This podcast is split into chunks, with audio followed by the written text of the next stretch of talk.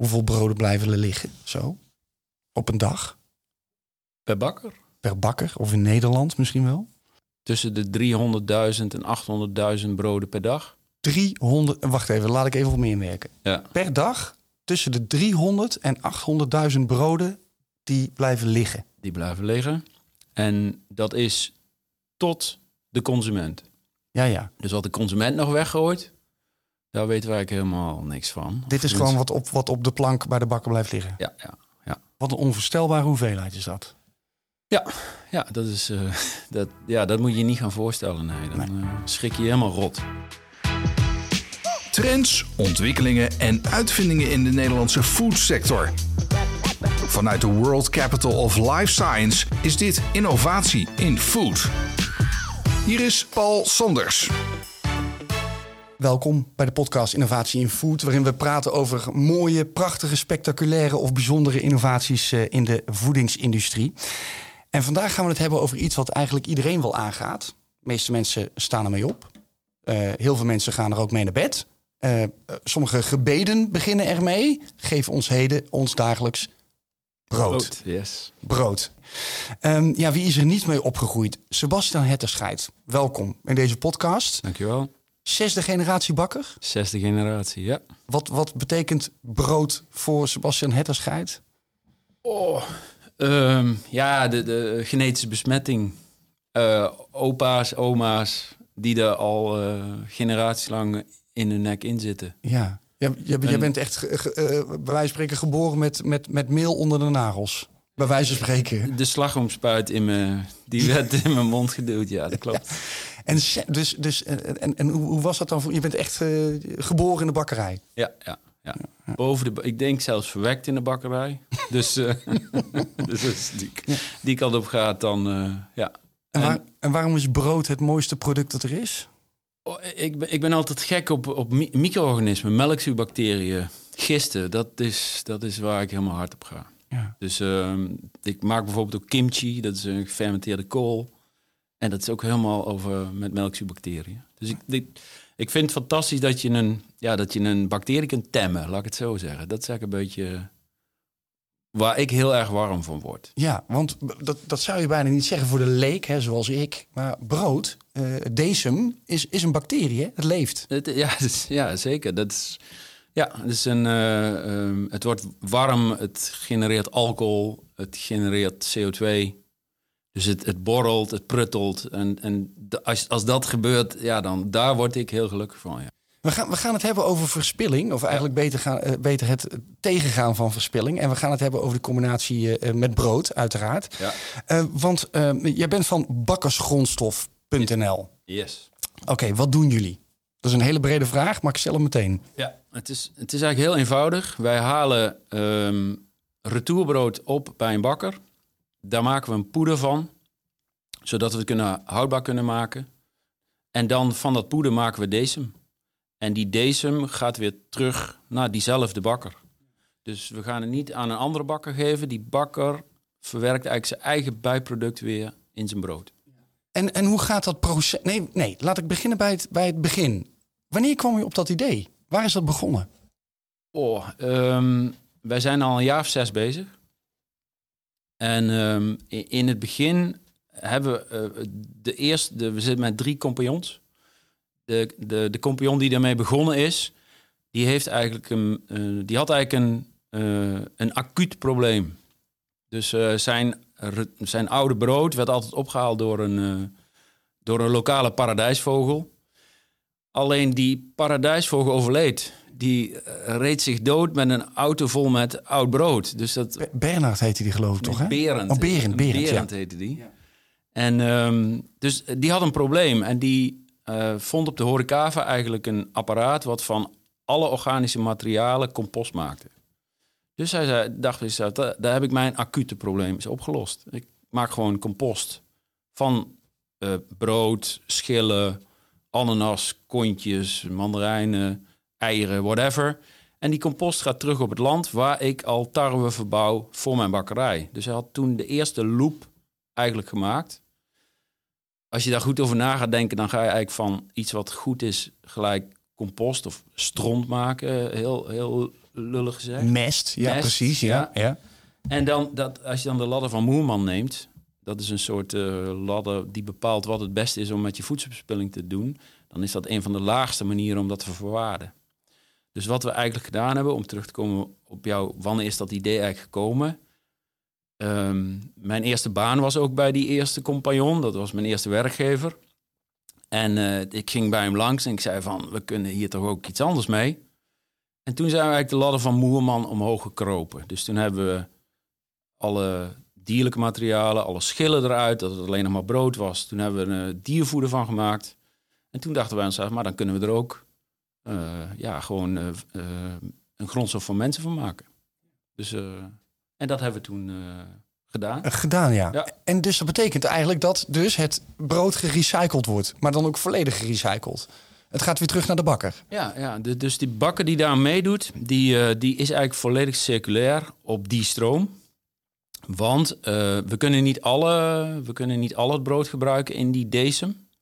Maar um, wat niet gebruikt kan worden in de decem wordt uh, diervoeder nog steeds.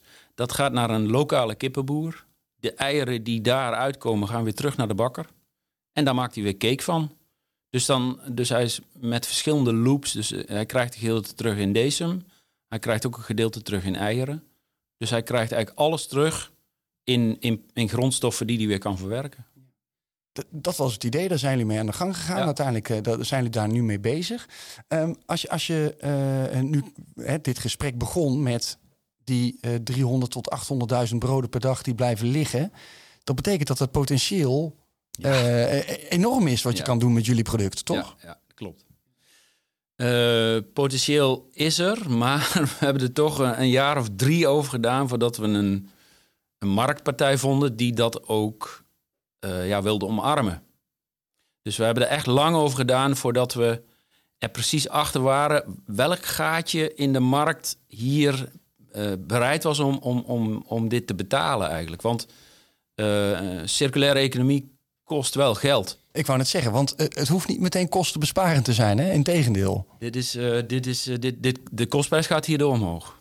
Dus, dus het is niet zo dat, um, dat de kostprijs omlaag gaat. Uh, het, het allerbelangrijkste, de allerbelangrijkste reden voor die bakker om mee te doen was... Um, mijn brood wordt lekkerder. Dus dat ging hem nog niet eens over die wereld gelijk helemaal te verbeteren. Maar hij zei, dit is een mogelijkheid voor mijn brood om de kwaliteit, om het lekkerder te maken. Meer aroma, dunnere korst, langer vers... En het is ook het is fantastisch brood dat hieruit komt. We gaan het zo meteen even hebben over het, over het eindproduct. We gaan nog eventjes terug naar het proces. Ja. Want hoe, hoe kun je me stap voor stap doornemen, uh, met mij doornemen hoe dat gaat? Ja. Um, er komt elke dag uh, komt het retourbrood terug. Want je wil natuurlijk niet hebben dat dat lang blijft staan en dat het gaat schimmelen. Dan zoeken wij het eigenlijk uit. Want alle genen mogen er niet in. Uh, krenten, hebben, krenten en rozijnen hebben na, laat me zeggen, een slechte invloed op de decem.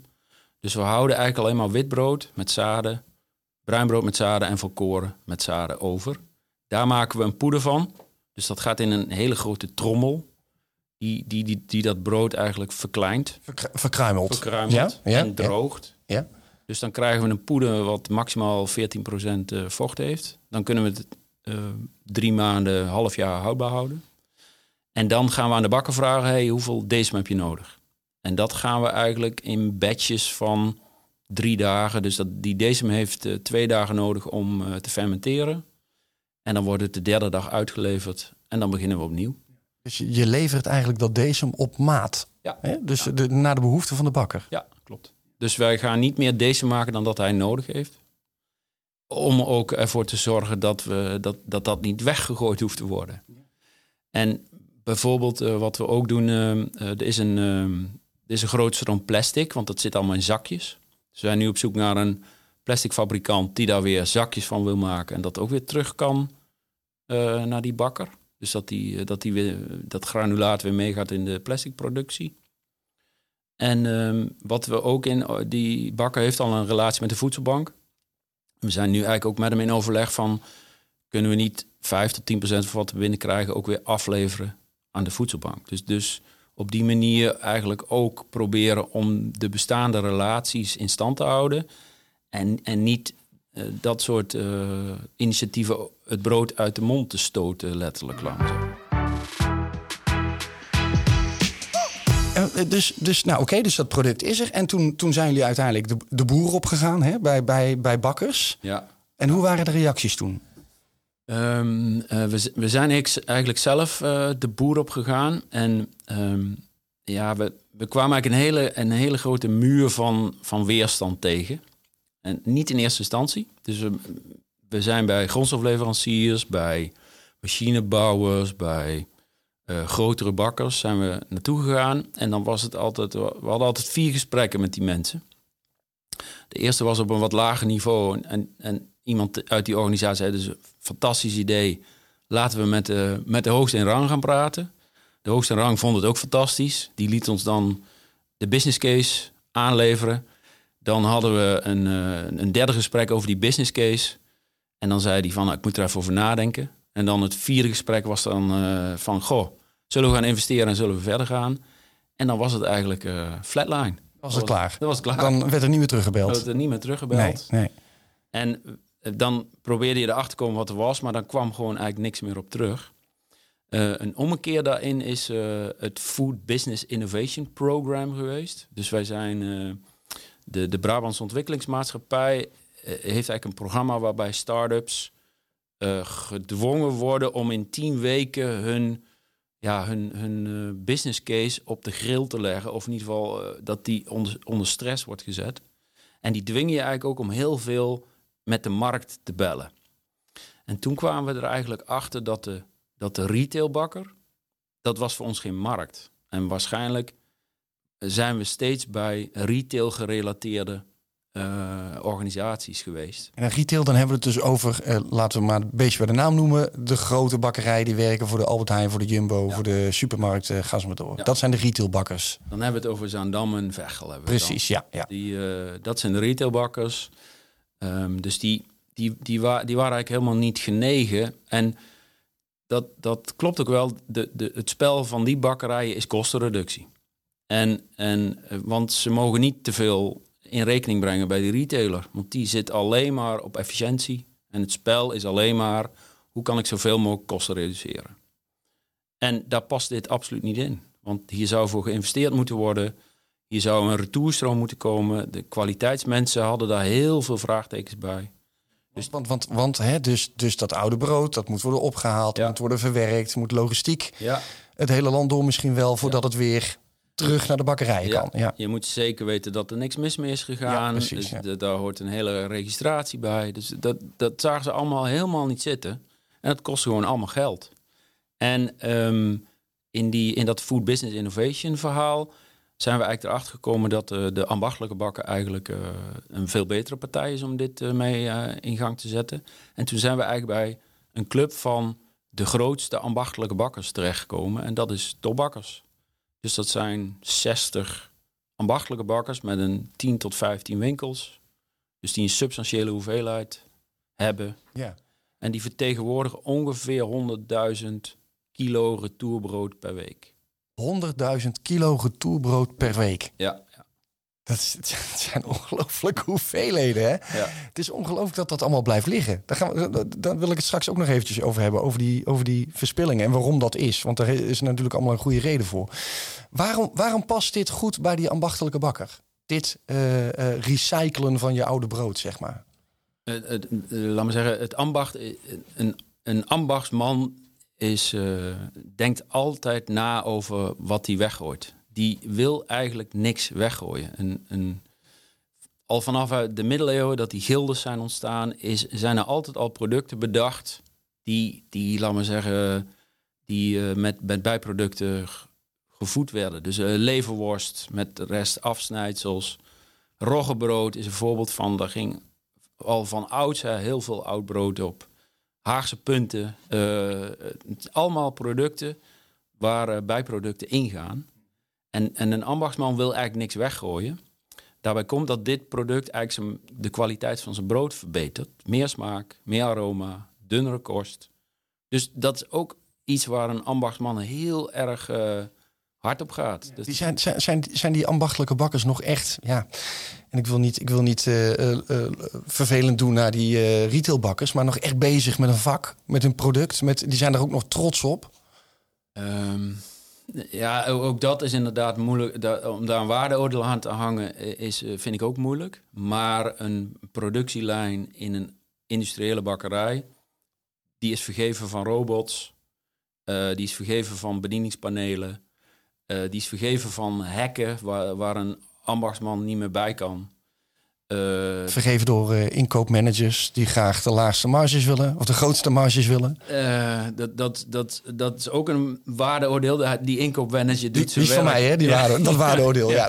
Die inkoopmanager doet zijn werk ook, nou, waar hij voor betaald wordt en zijn bonus krijgt. Ja. Maar dat helpt niet, nee. Nee, helpt niet om, om veranderingen door, doorgevoerd te krijgen als je alleen maar eh, moet vechten om een paar centen.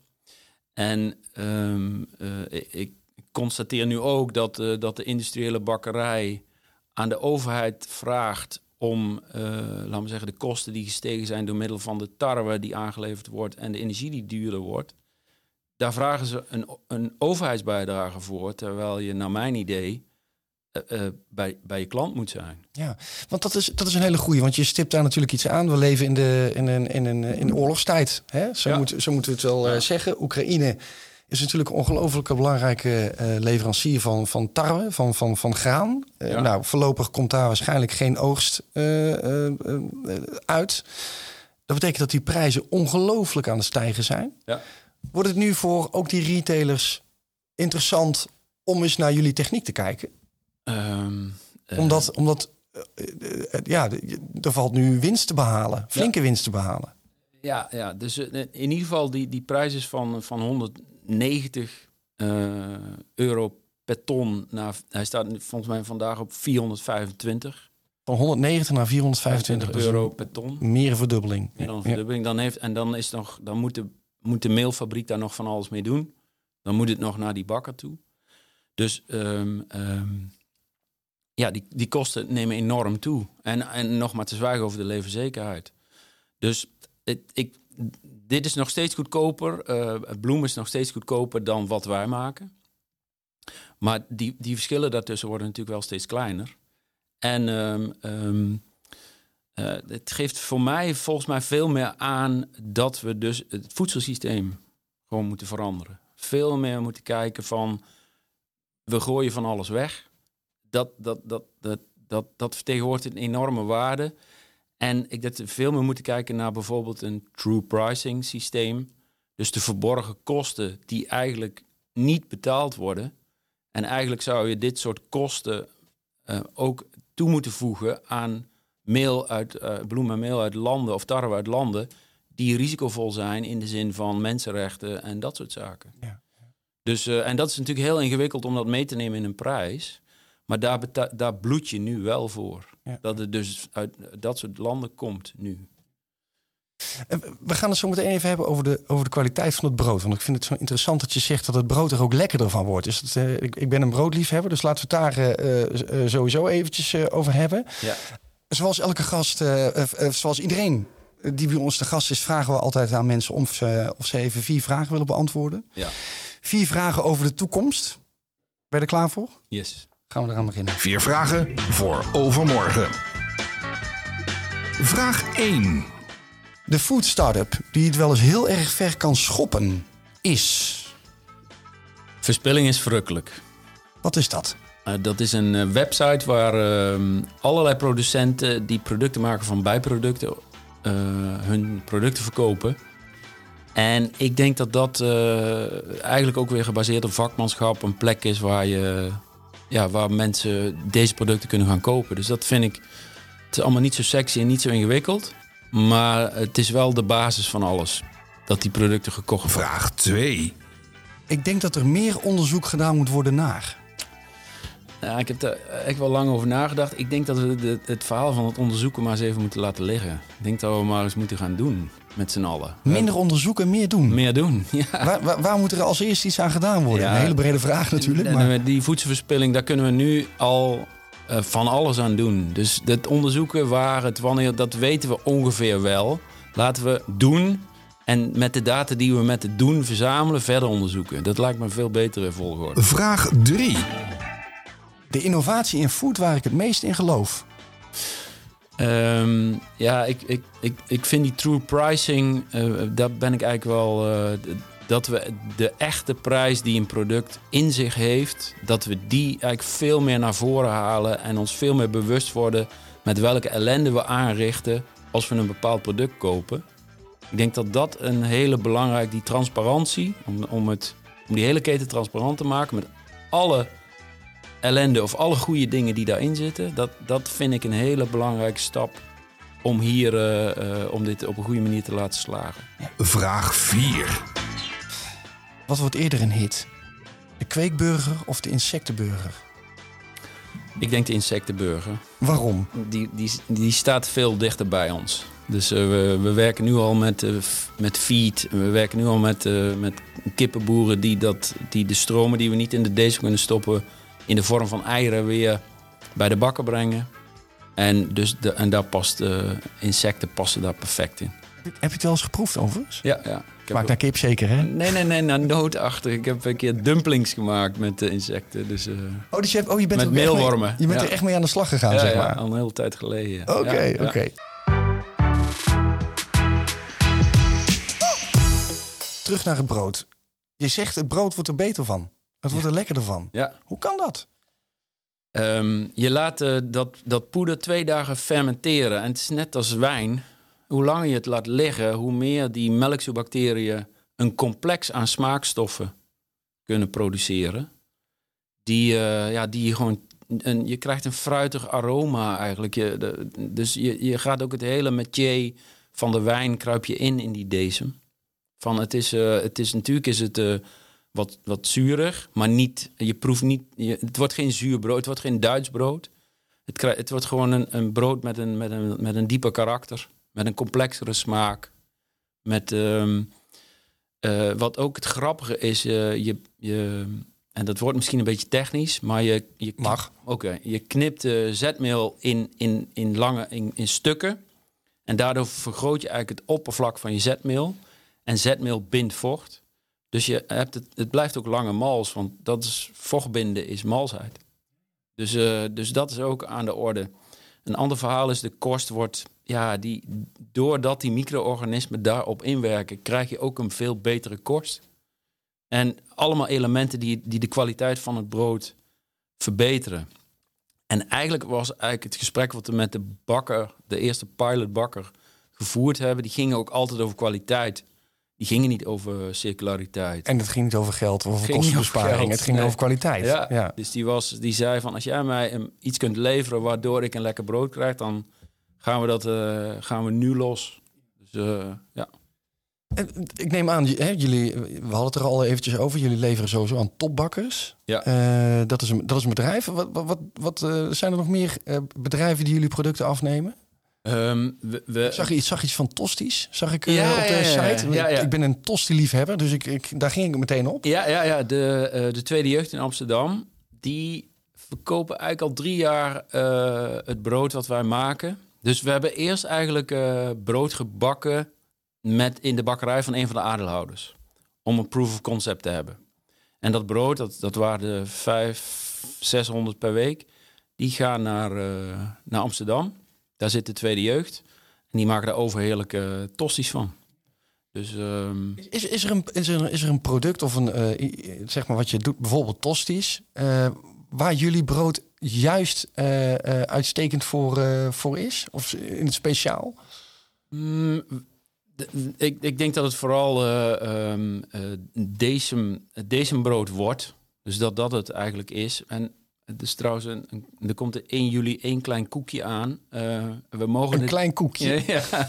we mogen het in, eh, vanaf 1 juli geen decem meer noemen. Want eh decem is een beschermde naam. Oh, Dus dan moeten we het declareren als gefermenteerd paneermeel. oké. Dus omdat decem gemaakt moet zijn van alleen maar graan.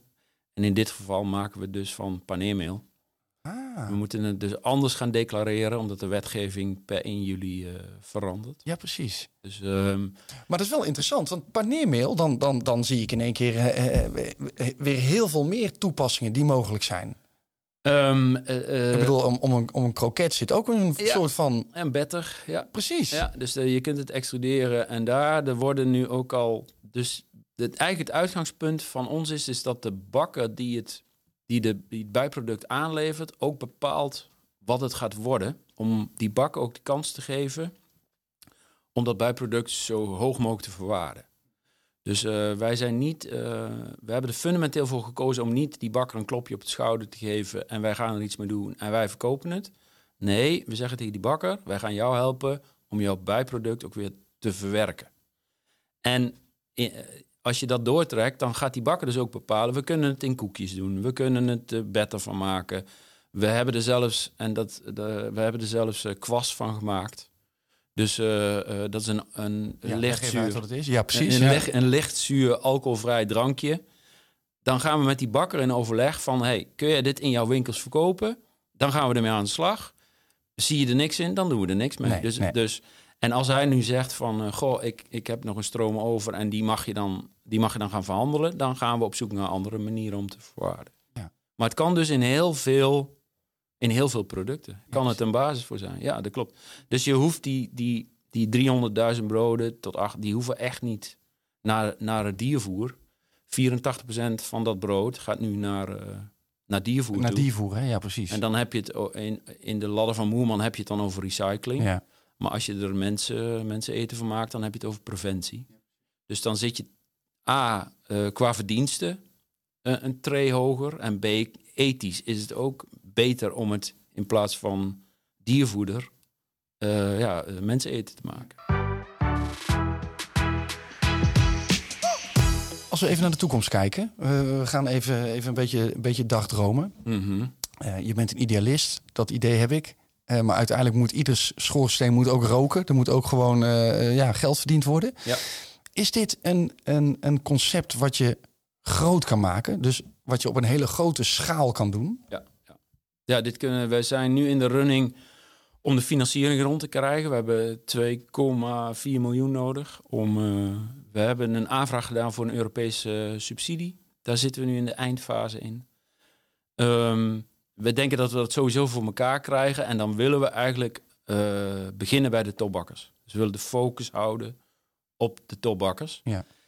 En daarna, ja, dan is de sky the limit. Ja, Dan, eh, dan, dan zeg maar koekjes, pizza, dat, eh, zeg maar. ja, ja. Dan, dan, dan kan het overal in. ja. En, is, en, en, en stel nou die, die, die, die retailer komt langs. Veghel of eh, Zaandam. Ja, dan, eh, dan ga- gaan we ze heel keurig uitleggen wat ze moeten doen. En Ja. dan eh, gaan we ze helpen om het gefixt te Ja. krijgen. Dat is dan toch niet, als bakker ben je dan toch niet je ziel aan het verkopen aan de duivel? Nee, maar daarom, daarom gaan we het ook alleen maar uitleggen. en niet doen. Precies. Ja, want ja, ja, ik bedoel, we kunnen er flauw over doen, maar eh, die, liefde ligt toch bij die ambachtelijke bakkerij, ja, hè? Ja, ja, ja. Wij gaan in eerste instantie. Ehm, ik denk dat we als we die. We, we zijn nu bezig om, om, om één. We zijn aan het piloten met één topbakker. Nou, dan moeten er nog 60 worden. Als ze allemaal meedoen, dus dat weten we ook nog niet. Maar we hebben nu een ruimte van eh 600 vierkante meter. Nou, we verwachten daar 5 tot 10 van die bakkers te kunnen verwerken. Dus voorlopig, voorlopig zijn wij nog wel even, Ja. wel even bezig. En, en, en waar staat bakkersgrondstof.nl over, eh, nou, laten we zeggen, tien jaar? Wat is dan je, je, je, je, je, je droom? Eh, de droom is eigenlijk dat, dat eh, eigenlijk iedereen met een bijproduct wat, wat eventueel in verdecemd of gefermenteerd kan worden, dat die bij ons komt en dat we daar een keten voor gaan bouwen. Dat is eigenlijk de, zo breed is die droom eigenlijk wel. En dan ook groot, groot, groter? Ehm, wat, ik, wat mijn droom eigenlijk ook is, is dat iedereen in die keten een goede boterham verdient. Dus eigenlijk niet groot, groot, groter, maar eigenlijk ehm, eerlijk, eerlijk, eerlijker. Of eh, plezierig, plezierig, plezieriger Ja, in precies. de keten. Ja, Dus dat iedereen met plezier in die keten voedsel produceert. Ik ben er wel bang voor dat de voedselprijzen daardoor omhoog gaan, of überhaupt. Maar wat er nu gebeurt in een keten, dat iedereen loopt te krabben en te bijten en loopt te horten en te stoten en loopt te klagen dat, uh, dat, dat hem de duimschroeven aangedraaid worden. Uh, dat is niet mijn ideaalbeeld, nee. Want je zegt, je hebt het over, over uh, we hebben het over verspilling gehad, we hebben het over voedselprijzen gehad. Ja, is het niet een sign of the times dat die voedselprijzen uiteindelijk omhoog gaan? Want, want het, we, we, hebben natuurlijk op een te kleine voet geleefd hè, de afgelopen. Het kost allemaal niks, maar het kost wel wat. Ja, ja. ja zeker. We, we hebben de, de kosten die we elders uh, genereren, die nemen we niet mee. Ja. Of die laten we daar liggen waar, waar ze eigenlijk niet horen. En die, die, die, die, die verdelen we, uh, de kosten verdelen we over de keten. En degene die eigenlijk de pijn moeten, zouden moeten lijden, die worden daar nog omheen geleid. Om, om redens van marktaandeel en verkoop en schoonschijn misschien ook wel. En, uh, um, en, dat, en dat, ja, dat is niet houdbaar. We zijn een keten helemaal aan het uitmergelen. En heel veel mensen zijn verbaasd over dat paardenvlees voor rundvlees wordt verkocht. Maar ja, als je geen rode rotcent verdient, dan ga je dat doen. En um, dus ik, die kant van het verhaal het wordt altijd gezegd van de overheid moet dat regelen. Um, ja, geld regelt ook een hoop. Ja, ja, ja. Dus, uh... ja.